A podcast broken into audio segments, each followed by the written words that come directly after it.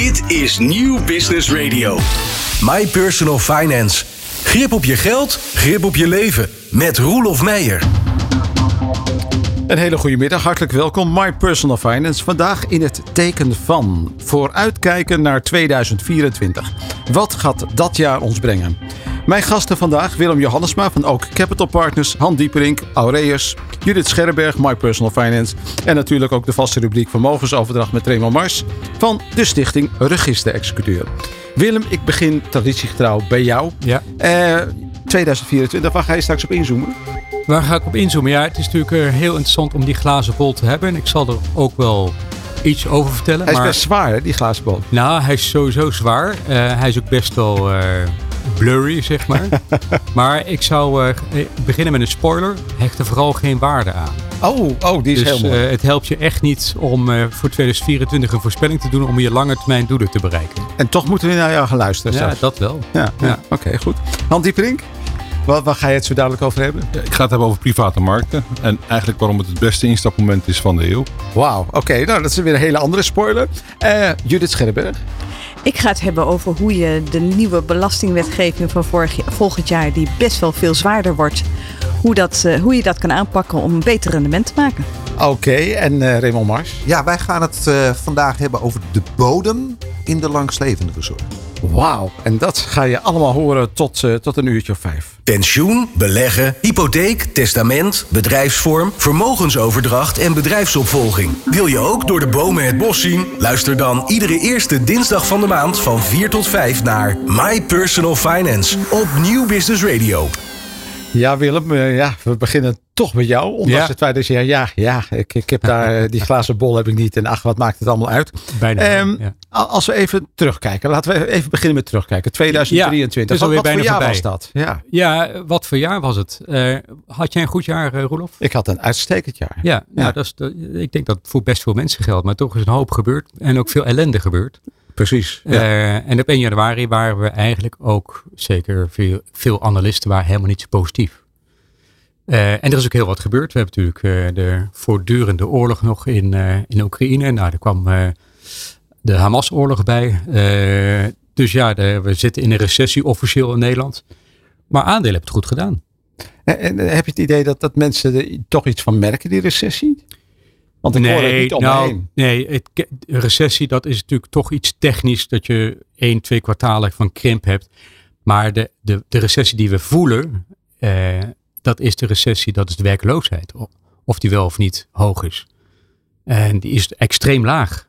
Eh, dus ja, we hebben misschien wel economische krimp, maar dan voel je niet de recessie als er weinig werkloosheid is. Dus Nee, nee, wat, dat speelt niet echt. wat we wel hebben gemerkt is, is de grootste kracht in obligaties. Ja, ja als je terugkijkt van, vanaf het eh, extreem laag niveau, hè, want dat moet je ook meenemen. We zaten op een rente.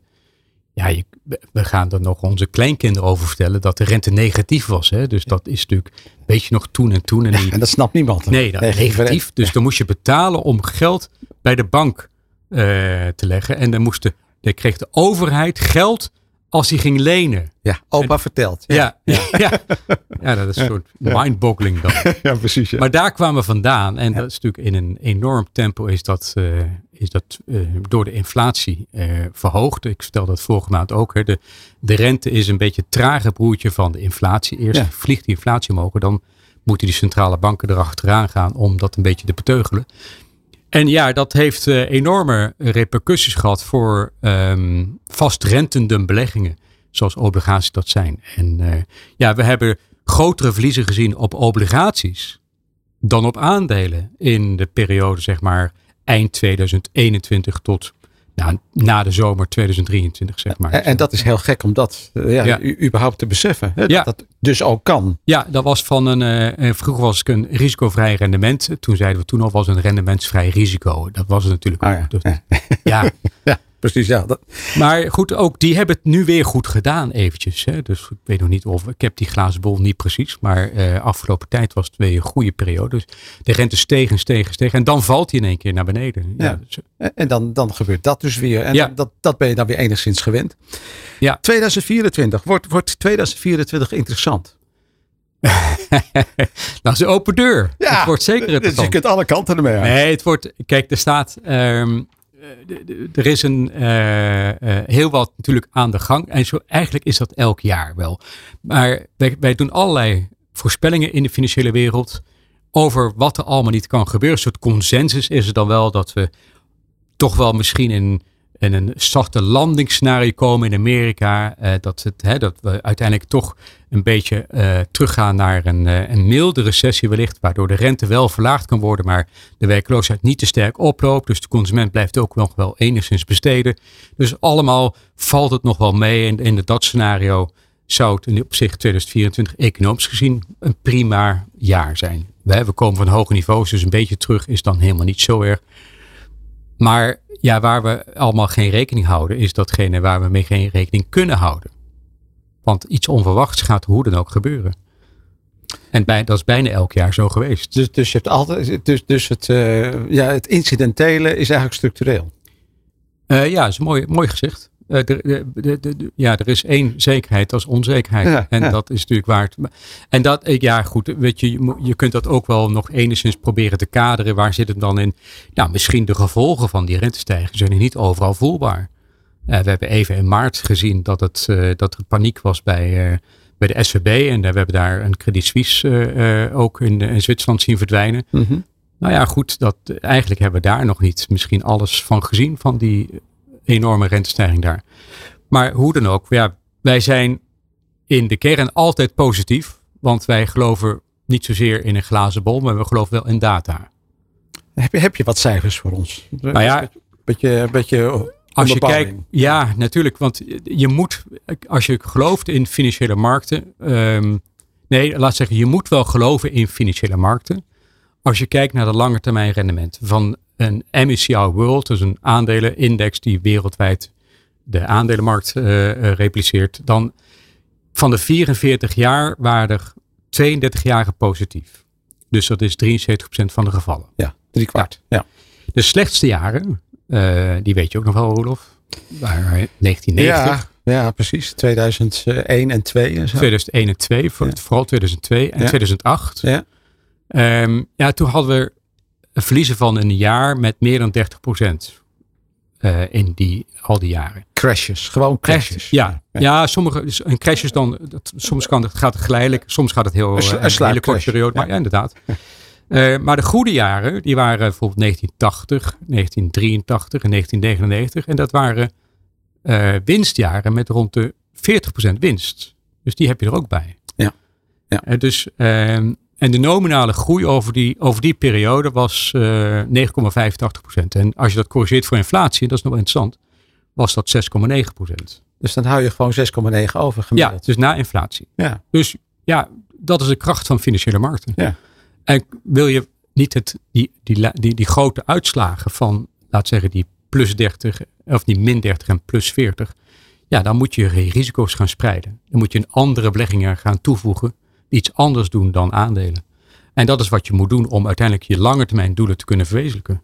Dus bij beleggen moet je verder kijken dan alleen de aandelenmarkt, maar puur gericht al op die cijfers van die aandelenmarkt, wat toch de motor is van die beleggingsportefeuille, ja, kun je niet anders dan positief zijn over, laat zeggen, een lange termijn, eh, met een lange termijn visie. Ja, en dan, dan ga je dus even terugkijken. Nou ja, het is een- een periode is geweest van 6,9% eh, echte, echte groei. Ja, Maar je kunt nooit echt doortrekken naar de toekomst natuurlijk. nee, nee, sowieso. Nou, ja, dat, ik denk dat je dat wel kan doen. ehm, maar er zijn langere periodes natuurlijk dat het afwijkt van het gemiddelde. Ja. Eh, en die periodes kunnen best wel een jaar of tien duren dat je het afwijkt van het gemiddelde. Maar laat zeggen, de meeste horizons zijn ook langer dan tien jaar. Als je kijkt, eh, dat, eh, zelfs mensen die eh 50 plus zijn, hebben horizons van, van 30 jaar. Ze worden ook 80. Dus, Ja.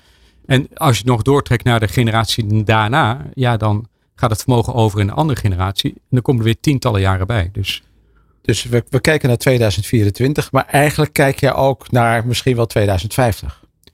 bij wijze van spreken. Hè? Dus, Ja. dus als je zegt Ja. de, de lange termijn, dat is beleid maken. Ja. En dat betekent dat je het beleid op een langere Ja, dus periode een- stoelt. Ja, dus een onwrikbaar geloof in de kracht van financiële markten. En als je dat hebt, ja, dan ga je anders denken en anders eh, redeneren over wat er nou over, op korte termijn gebeurt. En dan maakt het niet zo gek veel meer uit wat er in 2024 gebeurt. Nee, dat moet je. eh, Kijk, dat is tactisch. Moet je er heus wel bij, bij, eh, eh, laat zeggen, op eh, acteren. Ehm, maar dat is bijschaven. En ja, goed, bij ook doen wij het voor de klant. Eh, dus de klant hoeft zich daar ook geen zorgen over te maken. Ook prettig. Mhm. Dus dat betekent ook dat de klant bepaalt samen met de adviseur wat is je doel en wat is, wat is het rendement dat je zou moeten halen om dat doel te bereiken. Mhm. Ja, en daarin kun je ook- nog schuiven. Daar zit je ook niet aan vast. Eh, dat, hè, dat kan ook veranderen. Bepaal daar een risicoprofiel bij en ja, laat ons dat werk doen. En je hebt wel dat voetbalveld, je hebt wel dat doel daar, maar je moet wel je team in het veld zetten. Ja, dat is een mooie uitspraak. Goed. Willem Jannesma van Ook Capital Partners, dankjewel. Dankjewel. Pensioen, beleggen, hypotheek, testament, bedrijfsvorm, vermogensoverdracht en bedrijfsopvolging. Wil je ook door de bomen het bos zien? Luister dan iedere eerste dinsdag van de maand van 4 tot 5 naar My Personal Finance op Nieuw Business Radio. Grip op je geld, grip op je leven. Beleggen kun je op veel manieren doen. We hebben het net eh, met Willem gehad over beursgenoteerde beleggen, obligaties, aandelen en dergelijke. Maar het kan ook buiten de beurs om. Han Dieperink, jij bent van Aureus. Je bent hier al vaker te gast geweest. En vandaag focus je op private markten. Wat zijn dat? Ja, private markten, dat is eh, private equity, private debt heet dat een mooi woord. En real assets. Ja. Dat zijn dan eh, infrastructuur en vastgoed en alles wat zeg maar, als je het bij elkaar voegt, is alles wat niet beursgenoteerd is. Dat is eigenlijk private markten. En, en dan kun je dus ook denken in aandelen. Alleen ze zijn niet op de beurs. Je kunt ook denken in obligaties. Maar die zijn ook niet op de beurs. Ja. En het is ook vastgoed. En het is ook niet op de beurs. Ja, je ziet juist dat die markten buiten de beurs sneller groeien dan de beurs zelf. Dus als je kijkt naar het aantal aandelen wat beursgenoteerd is, dat krimpt al vele decennia. Ja. Terwijl juist een bedrijf die private zijn, dus in private handen, in handen van private equity, duidelijk daar aan het groeien zijn. Dat is echt volwassen geworden. Oké, en als je nou eens, eh, eh, zou eh, beschrijven wat, wat private equity nu precies is. Het is inderdaad niet beursgenoteerd, maar wat, wat voor soort bedrijven kom je dan tegen? Nou, het zijn al een bepaald type bedrijven. Het zijn meestal de wat bedrijven die la- groei laten zien, die een behoorlijke kaststroom genereren. Het zijn meestal niet de cyclische bedrijven. Eh, het zijn bedrijven die zeg maar, zich lenen om van de beurs te worden gehaald, die dus relatief laag zijn gewaardeerd. Of bedrijven waar je in wil investeren voor de toekomst, omdat die een, om de toekomst door te groeien een hogere waardering kunnen krijgen. Eh, private equity, dat zijn mensen die er wel op gericht zijn om een rendement te maken. Dus eh, voordat ze iets kopen, willen ze ook weten wanneer ze het gaan verkopen. Ja, maar je, je, je ziet wel eens dat je bepaalt dan over zoveel keer de winst. Als het dan op de beurs is, dan wordt er gezegd, nou ja, goed, dat is 15 of 20 keer de winst of whatever. En als het een groeibedrijf is, nog meer. Maar als het dan van de beurs wordt gehaald, is de liquiditeit minder. En zou je dus ook minder ervoor betalen. Ja. Hoe, zie jij dat? Nou ja, de, de reden dat het op de beurs een lagere waardering krijgt, betekent dat er wat fout is. Dus dat er niet- de optimale waardering heeft, dat het niet de groei laat zien. Dat een onderdeel is wat minder groeit. Dat er bijvoorbeeld een transformatie gemaakt wordt, of het digitaal is, of een energietransitie, die, die maar niet wil lukken. Dat er heel veel stakeholders zijn die die implementatie van die transitie niet eh, goed kunnen vormgeven. En dat gaat veel makkelijker van de beurs af. Dus als je bedrijf privé haalt, dan ben je 100% eigenaar van dat bedrijf. En dan kun je er zelf van maken wat je wil. Dus je hebt veel grotere invloed. Je kunt een nieuwe directie neerzetten. Je kunt zeg maar onderdelen afstoten. Je kunt, eh, ja, dus je kunt veel meer waarde toevoegen door bedrijven. Op de beurs als belegger kun je niet zoveel toevoegen. Je kunt alleen maar kopen en verkopen. En dan houdt het wel eens een beetje op. En, en hoe, hoe doe jij dat? Jij, jij bent vermogensbeheerder, jij specialiseert je in ook private equity. Heb je een voorbeeld van een bedrijf dat, waarin jij dan op dit moment handelt? Nou, ik handel niet in de bedrijven zelf. We handelen in fondsen die dan de bedrijven opkopen. Kijk, Ja. het zijn toch specialisten. Het, eigenlijk krijg je een stukje extra rendement, namelijk in, in private markten en zeker op private equity. En dan noem ik dan het ondernemersrendement. Ah ja. Dus het zijn eigenlijk eigenaren die als ondernemer kijken naar eh, een bedrijf en daar dan waarde toevoegen. En het zijn eigenlijk per ondernemer moet je dan een gespecialiseerde ondernemer inhuren. Die ervoor zorgt dus dat hij dat rendement ook daadwerkelijk kan toevoegen. Dus daar zijn weer fondsen voor, organisaties die dat dan realiseren.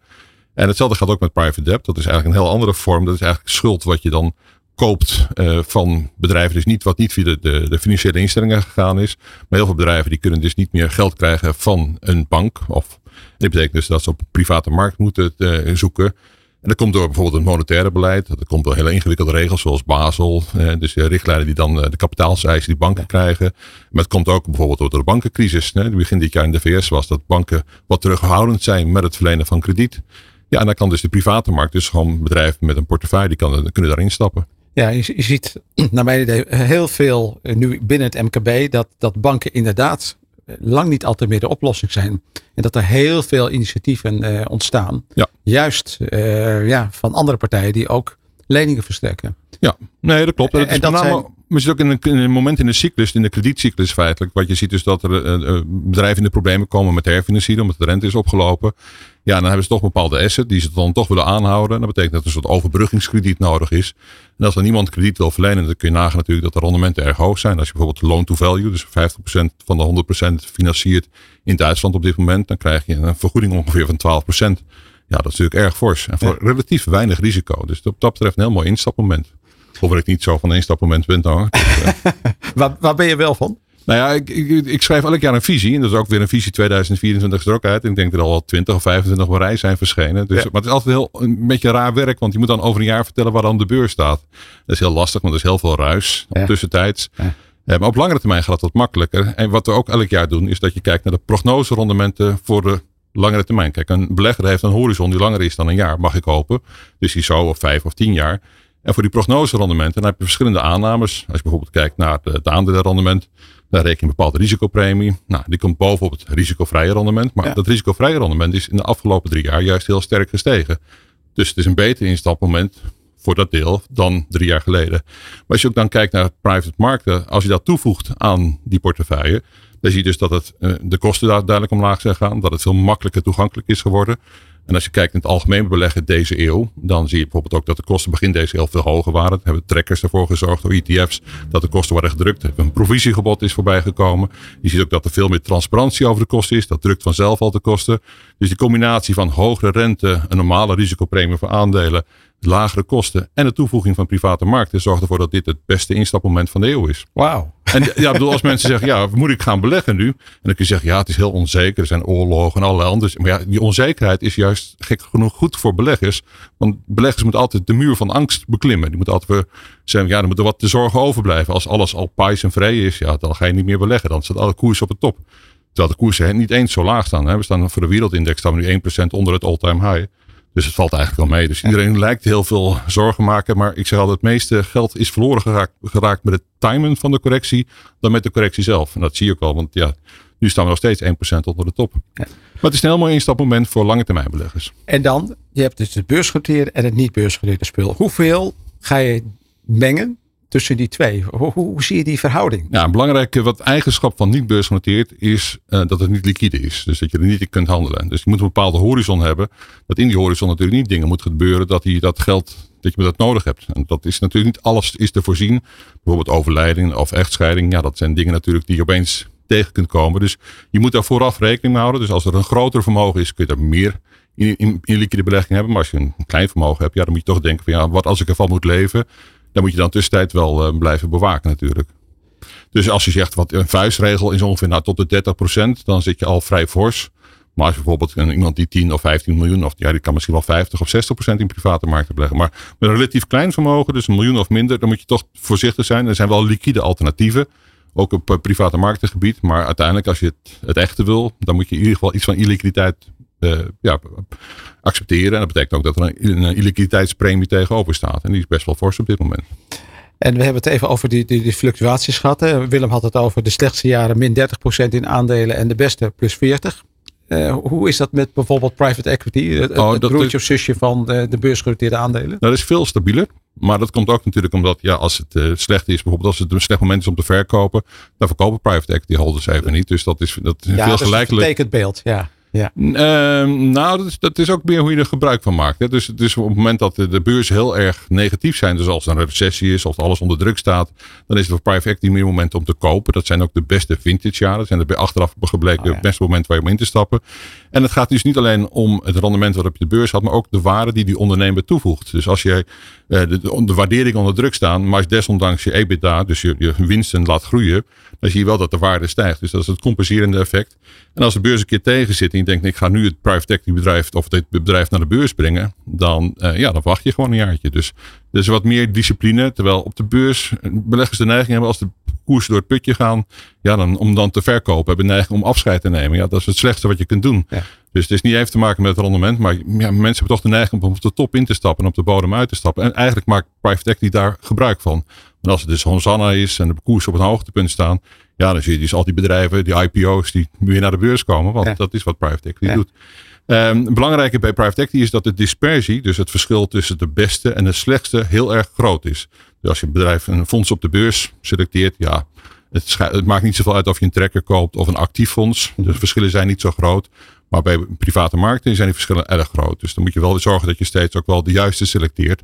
En daar moet je veel meer werk van maken dan, uh, dan op, uh, de, op de beurs zelf. Kortom, dat is dat gezegd hebben, het is het beste moment om in te stappen. Ik denk het beste instapmoment van de eeuw is. Hè? Dus, dus, dus dat is al 23 jaar verder. Nee, als je kijkt gewoon naar de prognose rendementen, maar dan niet voor volgend jaar, voor de komende jaren. En maar mijn visie op 2024 is ook niet zo negatief hoor. Maar dat is voor wat de gek ervoor geeft natuurlijk. Hand Diepering, dankjewel. My Personal Finance. Jouw financiële gids. Iedere eerste dinsdag van de maand van 4 tot 5 op Nieuw Business Radio. Slimme geldtips voor ondernemers. Grip op je geld, grip op je leven. De rol van financiële planning in het geheel. Daar gaan we het uh, nu over hebben. Judith, um, welke bedreigingen komen op ons af in 2024? Daar heb je er vast wel een paar van. bedreigingen? Ja, bedreigingen. Ja. Want daarna gaan we het over de leuke dingen hebben. Ah, dat is een mooi vooruitzicht. uh, de bedreigingen die er zijn, de tarieven voor de belastingen van 2024, uh, die gaan fors omhoog. Voor in elk geval voor mensen met wat meer geld. En uh, die gaan ook zo fors omhoog dat uh, het ook wel eens zal vragen om een koerswijziging van je beleid van wat je al eerder hebt ingezet. Oké, okay, nu ben ik het wel heel spannend. Ja. Goed, Word eens concreet. Nou, um, stel je voor, uh, je hebt met je financieel planner een plan gemaakt dat je vooral veel geld in de BV wil beleggen en dat lijfrente niet zoveel oplevert. Um, en geld, geld, zit dus in de BV. Geld zit in de BV. En okay. dan maak je rendement over. En dat rendement gebruik je dan straks om je inkomen aan te vullen om je pensioen te betalen. En dat haal je uit die BV door middel van? Aanmerkelijk belangbelasting. Dividend. Ja, ja, dividend met aanmerkelijk belangbelasting. Ja, oké. Okay.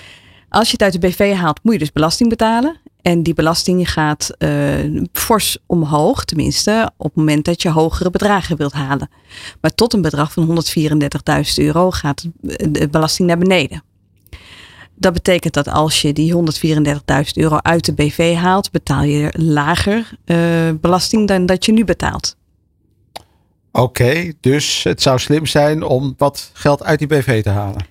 Dat zou kunnen zijn. Uh, en als je dat nou gepland hebt voor dit jaar, kan je het misschien beter volgend jaar doen. Oké. Okay. Ja? Dat snap ik, ja. Tegelijkertijd heb je dat je maar een maximale rekening courantschuld mag hebben in de BV vanaf 1 januari. Mm -hmm. Dus als jouw schuld hoger is dan 7 ton, is het wel handig om te zorgen dat die in elk daaronder zit. Ja, want anders heb je echt behoorlijke heffing aan je broek. Ja, en dat, dat klopt. Wil je, dat wil je niet. Dat wil je niet. Nou, als je dan verder gaat kijken, je bent verplicht als uh, directeur groot aandeelhouder om uh, inkomen uit de BV te halen. Je werkt in de BV, dus je moet een bepaald salaris eruit halen. Dat gelijk is aan het inkomen van iemand met een vergelijkbare functie. Dus bijvoorbeeld een, een specialist in loondienst, die verdient anderhalve ton. Ben jij specialist, dan moet je ook die anderhalve ton uit jouw BV halen. Um, maar als je dan meer inkomen hebt in die BV, omdat je het bedrijf goed draait en je hebt bijvoorbeeld 2,5 ton dat binnenkomt vanuit de, de uh, inkomsten vanuit het ziekenhuis, dan staat die ton nog steeds op die rekening. Um, nou, zo bouw je dan een stukje waarde op in die BV. Nou, tegelijkertijd kun je aan de andere kant, uh, moet je aan je pensioen denken. Dan heb je, iedereen krijgt AOW. Ja, als je maar in Nederland woont, krijg je AOW. Daarnaast heb je misschien een stukje pensioen opgebouwd. Maar als je nu gaat kijken naar uh, de effecten van de belastingen en je haalt geld naar privé, dan betaal je als je geld belegt in, uh, in de BV, betaal je 6%, of althans dan ga je belasting betalen over het vermogen in box 3. Dus boven de vrijstelling. Als, als het in privé zit? Ja, ja, precies. En die tarieven die zijn best wel fors. Als je spaart valt het nog mee. Ga je ermee beleggen. Dan wordt uitgegaan van een fictief rendement en dat is ongeveer 6%. En daar betaal je volgend jaar 36% over. Dat is nu 31% en dat wordt 36%. Ja, dat is dus gewoon krankzinnig hoog. Dat is inderdaad best wel pittig. Ja. ja. Als je dan uh, vrij geld hebt, dan zou je ook kunnen kijken van nou is het dan zinvol om dat geld in een lijfrente te stoppen. Dus wat je dan doet is je verhoogt je salaris uit de BV. Daar betaal je dan 49% belasting over. Aha. Vervolgens betaal je een lijfrentepremie in privé. Daar krijg je dan 49% belasting over terug, want je mag het aftrekken van je inkomen. En het geld wat je in de lijfrente investeert, daar hoef je geen box 3 heffing over te betalen. En het voordeel zou dus in zitten dat je eh, niet de jaarlijkse box 3 heffing hebt. Dat is het eerste voordeel. Mhm. En het tweede voordeel is dat als je pensioeninkomen lager is dan 78.000 euro op dit moment, dat je ook minder belasting betaalt dan die 49 procent. Kortom, er zit ook nog een, een belastingvoordeel tussen. Ja, ja. Nou, en een financieel planner kan uitstekend uitrekenen of dat voor jou interessant is. Maar omdat die belastingheffing in box 3 zo hoog is geworden, is het omslagpunt voor die lijfrentevoordelen is enorm toegenomen. Terwijl juist in, in de oude situatie, eigenlijk die we nu nog hebben, hè, tot eind van het jaar, het juist andersom is. Ja, In veel gevallen. in veel gevallen wel. Nou, veel planners zullen dan hebben uitgerekend, joh, laat het geld maar lekker in de BV zitten. Want dat levert je meer op. Maar het kan dus heel wel zijn dat het nu veel interessanter wordt om het wel naar het privé te halen. En dan vervolgens een lijfrente daarvan aan te kopen. Dus we moeten een beetje gaan omdenken. Dat is wel verstandig, want dat levert uiteindelijk behoorlijk wat geld op. Voor Ja. een ondernemer waar ik het voor de week, van de week voor heb doorgerekend, scheelt het eh, over het gehele looptijd van het vermogen, een, een, horizon van zo'n 30, 35 jaar, scheelt het uiteindelijk zo'n 7% in zijn vermogen. Dus dat is best wel veel. Ja, dus, dus we moeten echt eh, af van- van het oude idee van, goh, als het in privé zit, dan is het met de pretbox, zoals box 3 ooit heette, Ja. is, is het lekker verdienen. Nou, de, de pretbox is geen pretbox meer. Nee, de pretbox is zeker geen pretbox meer. Want alles wat geen spaargeld is, wordt belast tegen dat fictieve rendement van ongeveer 6%. Dus dat gaat best heel erg hard. Ja. Goed, nou dat lijkt me een hele mooie tip voor, voor 2024. Eh, eigenlijk is dit wel goed nieuws, hè? Dan, als je het maar in die lijfrentesfeer doet. Ja, je moet het wel goed uitrekenen. En je moet het goed uitrekenen. Ja. Oké, Judith Scherrenberg, My Personal Finance. Wil je ook de kapitein op je schip zijn? Werk samen met My Personal Finance aan je persoonlijke financiële kompas. Voor nu en later. Iedere eerste dinsdag van de maand van 4 tot 5 op Nieuw Business Radio.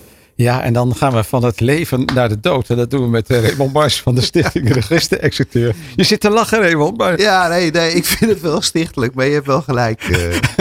eh. ik dacht het ook. We hebben weer een aflevering in de, de serie van de langslevende verzorging in het erfrecht. Eh, Raymond Mars, Stichting Register-Executeur. Dit, jaar, dit, dit keer een aparte titel, De Bodem. Ja, wat, wat, wat wil je daarmee zeggen? De bodem. Ja, uh, Roelof, dankjewel. Ja, we hebben het inmiddels uh, gehoord dat uh, uh, sinds 2003 het wettelijk erfrecht voorziet in de verzorging van de langslevende echtgenoot. Maar we weten inmiddels dat we een testeervrijheid hebben en dat we dus keuzes hebben om daarvan af te wijken. Je benadrukt de langslevende echtgenoot. Waarom die nadruk? Nou, uiteraard bedoel ik daar ook de, uh, de echtgenoten mee. Uh, maar vooral dat het wettelijk erfrecht voorziet in de langslevende in de hoedanigheid van gehuwde en geregistreerd partners. Beter gezegd, degene die op het stadhuis hun burgerlijke staat hebben gewijzigd. En voor alle duidelijkheid, dat zijn dus niet de ongehuwd samenwonenden, al dan niet met een samenlevingsovereenkomst. Hun positie is namelijk niet gelijkwaardig en zeker niet gelijkwaardig geborgd in het wettelijke erfrecht. Maar goed, je gaat het hebben over de bodem. En welke bodem bedoel je daar dan mee? Nou, je kan in testament kan je uh, je echtgenoot of echtgenote volledig onterven.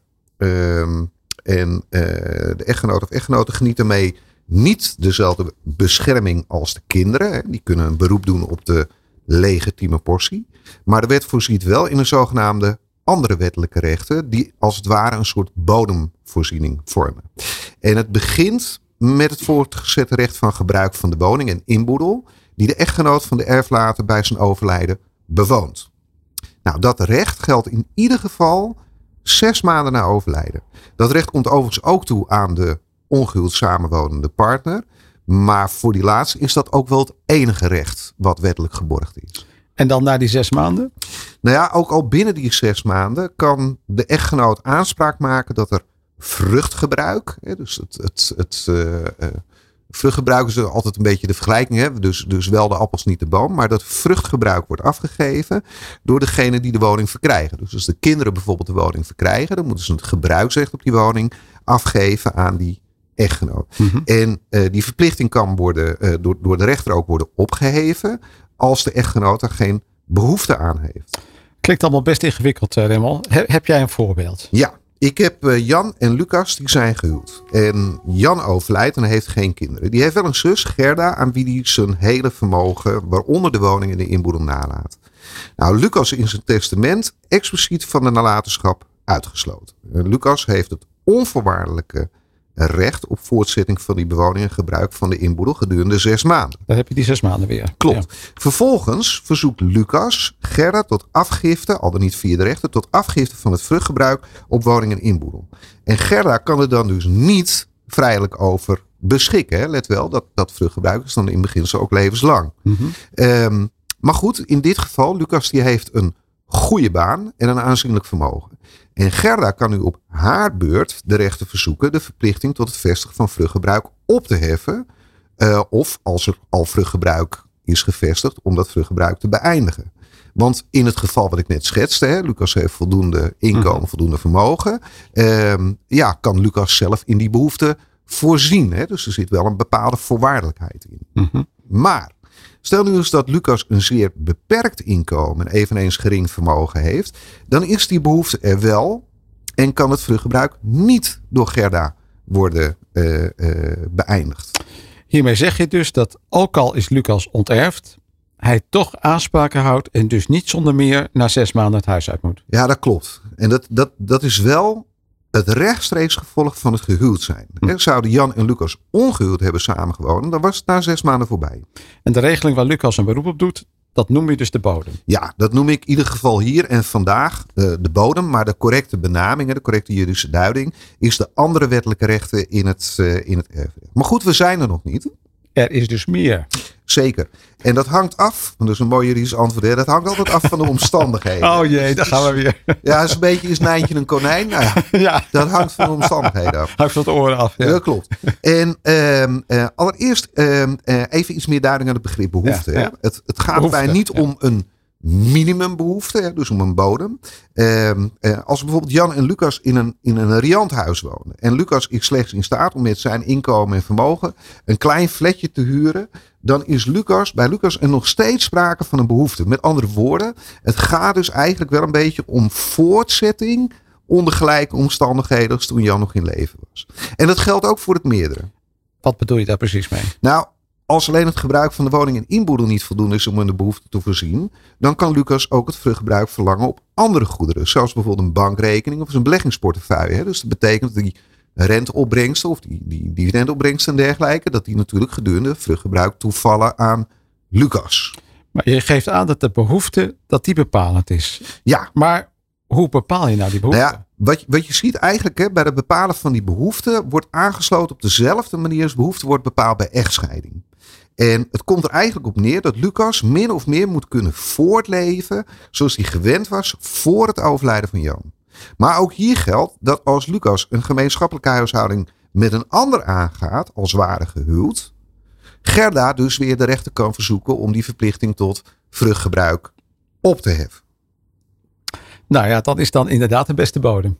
Ja, dat klopt. Ja. Eh, maar de, de echtgenoot uitsluiten van de nalatenschap kan ook op een andere manier voorkomen. Hè. Je bent bijvoorbeeld, eh, eh, nou, laat, laat ik het zo zeggen. Je bent getrouwd tot het moment dat de echtscheidingsbeschikking is ingeschreven in het register van de burgerlijke stand. Klinkt logisch. Ja. En voor het wettelijk erfrecht is dat pas het moment waarop de gewezen echtgenoot ook daadwerkelijk is uitgesloten. Nou, in een testament kan je dat moment vervroegen. Door de echtgenoot uit te sluiten vanaf het moment dat het verzoek tot echtscheiding is ingediend. En dat is dus vaak al veel verder ervoor, voordat die beschikking ook daadwerkelijk het geval is. En dat die beschikking ook is ingeschreven in het register van de burgerlijke stand. Maar op dat moment ben je dus nog wel getrouwd. Ja, dat klopt. En je hebt het dus voorwaardelijk gemaakt. Hè? Je hebt die, Mhm. die erfstelling die heb je feitelijk voorwaardelijk gemaakt aan het punt van het zodra het verzoek is ingediend, dan geldt die niet meer. Mhm. Ehm, maar let op, dan gelden ook de andere wettelijke rechten, zoals ik vertelde over Jan en Lucas. Want het is namelijk wel zo dat het moment waarop het verzoek is ingediend, niet langer dan een jaar voor het moment van overlijden ligt. De andere, andere wettelijke rechten beschermen daarmee dus niet uitsluitend de echtgenoot, maar ook de echtgenoot met wie je in scheiding ligt. Althans, als je daar korter dan een jaar mee in scheiding ligt. Dus als die verzoek al langer dan een jaar is ingediend, dan zijn die wettelijke rechten niet van toepassing. Dus dat is best wel een substantiële bodem die erin zit. Ja, en komt het nou vaak voor dat de echtgenoot of echtgenote wat onterft? Nou ja, die, die scheidingsbepaling waar ik het net over had, die, is, die is redelijk standaard. Uh, maar wat ik vaak tegenkom, uh, is dat het toch, en dat is wel een beetje de evenknie, dat het toch vaak wel heel lang wordt gewacht met het indienen van het verzoek. Hmm. He, er zijn heel veel echtscheidingsadvocaten die, of echtscheidingsmediators die eigenlijk de hele scheiding min of meer afgewerkt willen hebben totdat ze het verzoek indienen. Uh, tegelijkertijd ben ik eigenlijk altijd veel meer een voorstander van om het verzoek in te dienen met het verzoek aan de rechter om de beslissing aan te houden, zodra partners eigenlijk uit het zicht van elkaar lopen. Ja, ja. Het kan namelijk verstrekkende en onbedoelde gevolgen hebben. Hè? Dan, dan, dan, dan, je kan jaren in scheiding liggen. Maar op het moment dat je dus dat verzoek nog niet hebt ingediend, ja, dan, dan is die erfrechtelijke positie natuurlijk wel uh, behoorlijk, uh, behoorlijk stevig. Um, waar ik ook wel tegenwoordig wat vaker tegenkom, dat is uh, een, een, een bepaling in het testament die, ja, zoals we dat zo mooi noemen, overeenkomstig eigenlijk die wettelijke rechten is. En dat zie je best wel vaker gebeuren bij mensen die op, op een latere leeftijd een, een, een, een partner of een nieuwe partner uh, tegenkomen. Die hebben dus niet hun hele leven al gedeeld met die mhm. partner. Die zeggen, nou, we hebben, we hebben het nu leuk samen en ik laat je niet verhongeren. Maar het is wel de bedoeling dat ik overhevel naar mijn kinderen en niet naar jou. Dus dat, dan, dan zie je eigenlijk wel een, een behoorlijke beperking uh, aan, aan wat er is. En da daar is ook niks, niks mis mee. Hè? Laten we dat even voorop stellen omdat sommige mensen nog wel eens een keertje worden gedwongen in het dogma van nee, nee, maar als je getrouwd bent, dan moet je ieder geval die langslevende maximaal verzorgen. Maar als hij voor zichzelf kan zorgen, waarom zou je het dan doen? Ik vind het een, uh, een sluitend betoog. Raymond Mars van de Stichting Register-Executeur. My Personal Finance. Jouw financiële gids. Iedere eerste dinsdag van de maand van 4 tot 5 op Nieuw Business Radio. Slimme geldtips voor ondernemers. Grip op je geld, grip op je leven. Onder de muziek, eh, Raymond, had je een hele mooie opmerking over uh, box 1. Ja, uh, box, box 1 geld is, is wel geld in een kooi. Ja, ja, wat bedoel je daarmee? Nou ja, dat daar natuurlijk best, zodra je het fiscaliseert, dat, dat er allerlei fiscale restricties aan liggen op het moment dat je, uh, dat je, het, dat je het weer terug wil nemen. Ja. En, en zeker ook als we bijvoorbeeld kijken richting nalatenschap. Ik bedoel, als je, als je in je eentje bent en dan ga je op een gegeven moment dood en je hebt behoorlijk wat geld in box 1 zitten, dan krijg je natuurlijk wel een enorme versnippering die erachter hobbelt. Judith, reageer eens. Ja, dat is prima.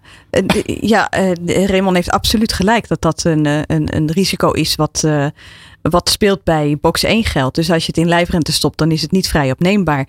En dan kom ik terug op wat uh, Han eerder zei. Je, je, je kan maar een beperkt gedeelte van je vermogen illiquide maken.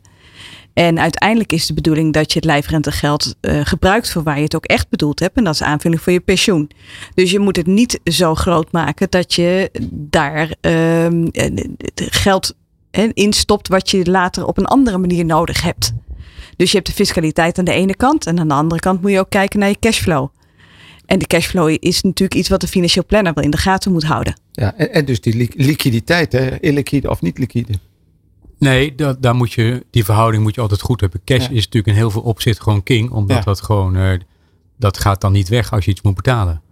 Maar over uh, box 1, het is een kooi. Maar uh, dat kan ook een zegen zijn dat het in een kooi zit. Dat je er niet aan kan komen. Dat, dat, dat hadden we ook met handen. Wat jij zei, dat je niet aan dit private equity kunt komen. Dat het maar dat, ook dat werkt ook als een bescherming. Hè? Dus het feit dat mensen niet de spullen kunnen verkopen op de verkeerde momenten. Dat helpt ook hoor. Dus dat is rendement Dat is bij box 1 precies hetzelfde. Of het nou private markt is of box 1. Het gaat erom dat je er niet aan kan komen. En mensen, ja, we zijn allemaal maar gewoon uh, wezens die zich laten leiden door uh, hele korte termijn uh, emoties. En dan op het moment dat het misgaat, wil je dat vlies weg hebben. Ja, nou, ik heb wel eens gedacht met, met uh, pensioenen. Hè? Dus, dus je krijgt er één keer per jaar krijg je, je pensioenoverzicht. Nou, uh, de meeste mensen vinden pensioen niet zo interessant, dus daar kijken ze gewoon niet eens naar. En ondertussen maken ze wel de beste re uh, rendementen eigenlijk, ja. omdat ze ervan afblijven. Precies. En ja, box 1 geld is pensioengeld. Dus ja. Dat, ja, dat, dat moet je dan ook op die manier beschouwen. Ja. Ja, want, want jij bent vermogensbeheerder, maar je hebt dus box 1 rekeningen ja. voor het vermogens, maar ook box 3 rekeningen. Ja. Ja. En ja, de box is natuurlijk toch, uh, Judith zei het al, het, het, is, het toch schrikbarend hoge belasting die uh, gaat tegenkomen volgend jaar. Ja, nou, dat, uh, de spaarders die komen goed weg. Ja. Ehm, maar wat lastig is, die tarieven zijn inderdaad hoog, is dat mensen die eigenlijk willen gaan beleggen vanuit een spaaralternatief naar een tikje hoger risico, eigenlijk gedwongen worden om een stuk hoger risico te nemen om nog een enigszins het rendement te maken op die beleggingen om dat belastingtarief uh, uh, überhaupt te kunnen betalen. Ja, wat simpel gezegd, je had het over aandelen 6,9% ja. gemiddeld. Uh, met obligaties haal je dat niet. Nee. Je fictief, je forfaitair rendement is 6%. Dan zit je in obligaties. Ja, en dan ben je het haasje. Dus je, je betaalt meer belasting ja. over obligaties en defensieve profielen, zeg maar, ja. dan menselijk. Ja. Dat, want mensen moeten wel de stap kunnen maken om uiteindelijk heel defensief te beleggen. En dat doen ze nu niet, want ze blijven dan sparen. Ja, dat is fiscaal. Ja, dat is jammer dat de Belastingdienst dan zo'n sturend effect heeft hoe je dan wat je met je vermogen omgaat. Dus ja. het feit dat investeren wordt feitelijk ontmoedigd en sparen wordt aangemoedigd. Ja. Het zou eigenlijk omgekeerd moeten zijn. Investeren is namelijk helemaal geen slechte bezigheid. Je ziet nog, nog erger bij de box 3 bij uh, ondernemers die bijvoorbeeld een stukje in box 3 dan een huis uh, verhuren. Ja, als je kijkt naar al die regels die daar zijn aangepast, ja, dan is het, en de huizenprijzen die zijn nog erg hoog. Ja. Dan is eigenlijk een conclusie, ja, ik krijg daar geen inkomen meer. Netto hou ik niet zoveel meer over. Dus ik verkoop mijn huis maar. Dus dat is eigenlijk is minister De Jonge de belangrijkste promotor voor vermogensbeheerders. Maar ja, die mensen komen natuurlijk met hun vermogen dan naar ons toe. Van heb je een alternatief voor die ja. huizenmarkt waar ik helemaal uitgekleed ben. Ja. Dus, uh, ja. En dit is niet goed dat de, de, de belasting. Het kan best als intentie zijn dat je bijvoorbeeld verduurzaamt of zoiets. Maar als het dus not intended is, dus maar zo dat het sturend is op dat het verkeerde effecten heeft. Ja, dat kan natuurlijk niet zo zijn. Want, want in wezen, wat je zegt, is dat er wordt gestuurd op zeg maar nominaal rendement, maar Ja. niet voor inflatie gecorrigeerd rendement. Wat je in wezen met real assets, met Nou ja, vastgoed, met Je betaalt aandelen. er gewoon inderdaad belasting over inflatie. Het moet echt niet veel Ja, gekker worden. Dat, daarvoor zou zeker gecorrigeerd moeten worden. Ja. Maar bedenk ook aan startende ondernemers. Dus die willen graag ge- gefinancierd worden. Dat is op zich een hele nuttige maatschappelijke bezigheid. Daar groeit de economie van. Er worden banen gecreëerd. Er is innovatie. Productiviteit gaat omhoog. Maar de, de fiscus doet net of ja, dat is het meest erge wat er kan gebeuren. Dus dat moeten we vooral de kop indrukken. Door die hoge belasting op dit moment. Ja. Dus eh, dat, dat is in 2024 wordt het nog een hele kluif. eh. Ja, eh, eh, zal dit, zal dit het, het houden, denk je? Of, of komt er gewoon weer een, een of ander protest of een rechtszaak om dit aan te vechten? Ja, weet je, het is wel interessant dat je het zegt. Kijk, die, die, die rechtszaak die over box 3 is gevoerd, die, die is vooral gegaan over eh, het antidiscriminatiebepaling die erin zit. Hè? Precies. Dat je een grote groep daarmee mee uitsluit. Ja, je ziet toch wel dat de regelingen zoals het nu ligt, toch wel een beetje gelijke monniken, gelijke kappen. Maar iedereen is natuurlijk los. En dat, dat, dat die ingreep op grond van artikel 1 van de EVRM mag dat. Hè? Je, mag, je mag best wel, wel heffen. Het moet alleen niet onevenredig bezwarend zijn. Dus het zou op andere gronden moeten, zeg je. Nou ja, de grondslag die er op dit moment, dat zegt Han ook terecht, het is dat, dat de gedachte achter het feit van eh, vermogen, dat is draagkracht. Nee, vermogen is geen draagkracht, vermogen is maatschappelijk kapitaal. Dat genereert iets, dat brengt iets voort, dat genereert uiteindelijk draagkracht, maar dat is geen draagkracht. En dat is natuurlijk wel een beetje het punt. Ik durf zelfs wel ver te gaan dat als je de box 3 heffing zou opheffen, dat je dan per saldo meer belasting binnenkrijgt als overheid. Ja, Die Maar dat mag niet. Ja, kijk, want we hebben 1000 miljard ongeveer aan BBP in Nederland. Ja. Dan de box 3 belasting levert ongeveer 4 miljard op. Dus dat is 1 procent. Ja. Of eh, zeg maar, dat is een- een vier- 0,4 procent. Mhm. Als je 1 procent groei hebt, dan eh, heft er de overheid ongeveer 40 procent belasting over. Over allerlei verschillende belastingen zijn er, maar dat is al 40 procent belasting. Dus als je de box 3 heffing afschaft en daardoor de investeringen dus meer productiviteit levert, dus een hogere groei realiseert, dan hoeft het maar 1 procent extra te zijn. Dan heb je je geld dat terug. En als het 2 procent extra is, dus, en dat maakt niet uit hoeveel in welk jaar dat ge- gebeurt, want het herhaalt zich natuurlijk. Ja, dat betekent dus dat je gewoon 8 miljard in plaats van 4 miljard binnenkrijgt. En als je kijkt naar 4 miljard wat je daarmee kan doen, dus kan iedereen die nu bij de voedselbank loopt, die kun je 10.000 euro daarvan geven. Dus het is ook een belasting is natuurlijk eerst plaats hoeveel krijg je binnen en daarna ga je herverdelen.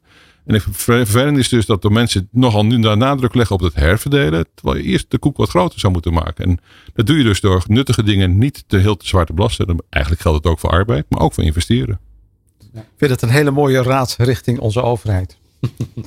Wij gaan eh, naar de tips toe. Ehm, Willem, heb jij een tip, eh, Eh, een, mooie tip- tip voor 2024? Ja, nou, ehm, ik werd even geïnspireerd ook door Judith. Eh, ik zou zeggen, ga nog dit jaar, geef je, je pensioen nog dit jaar een boost door een lijfrente af te sluiten. Dat is mijn tip. Oké, dankjewel. En Judith, heb jij een tip? Zorg dat je je vermogen goed in kaart hebt, zodat je weet dat je fiscaal gezien de beste beslissing neemt hoe je je geld investeert. Oké, dankjewel. Han, heb jij een afsluitende tip voor ons? Ja, ik zal. ik- Normaal gesproken moet je bij beleggen natuurlijk gewoon een lange termijn beleggen. Moet je gewoon een positie hebben. En dan gaat het niet in of uit. Maar juist op dit moment door de omstandigheden private debt, dat geeft wel erg mooie rendementen. Als je vergelijkt met andere beleggingscategorieën is dat heel aantrekkelijk. Oké, dankjewel. En Raymond, heb je er één of twee? Nee, ik heb er één, Oh, maar wel een hele lange. Het is, Oh, een hele lange. ja, nee, de langslevende verzorging die kent, die kent echt vele gedaanten. Daar zijn we inmiddels wel achter. En het is, het is geen moeten, maar er ligt wel een bodem in.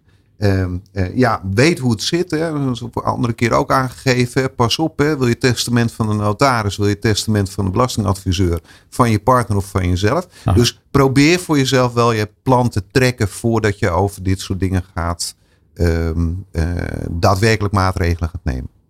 Oké, top. Dankjewel. Goed, dat betekent dat wij er doorheen zijn voor deze aflevering van My Personal Finance. Ik dank mijn gasten Willem Johannesma van Oak Capital Partners, Han Diepering van Aureus, Judith Scherberg, My Personal Finance en Raymond Mars van de stichting Register-Executeur.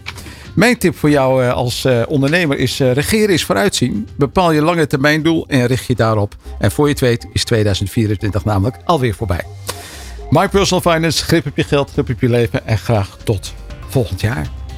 My Personal Finance. Jouw financiële gids. Iedere eerste dinsdag van de maand van 4 tot 5 op Nieuw Business Radio. Slimme geldtips voor ondernemers. Grip op je geld, grip op je leven.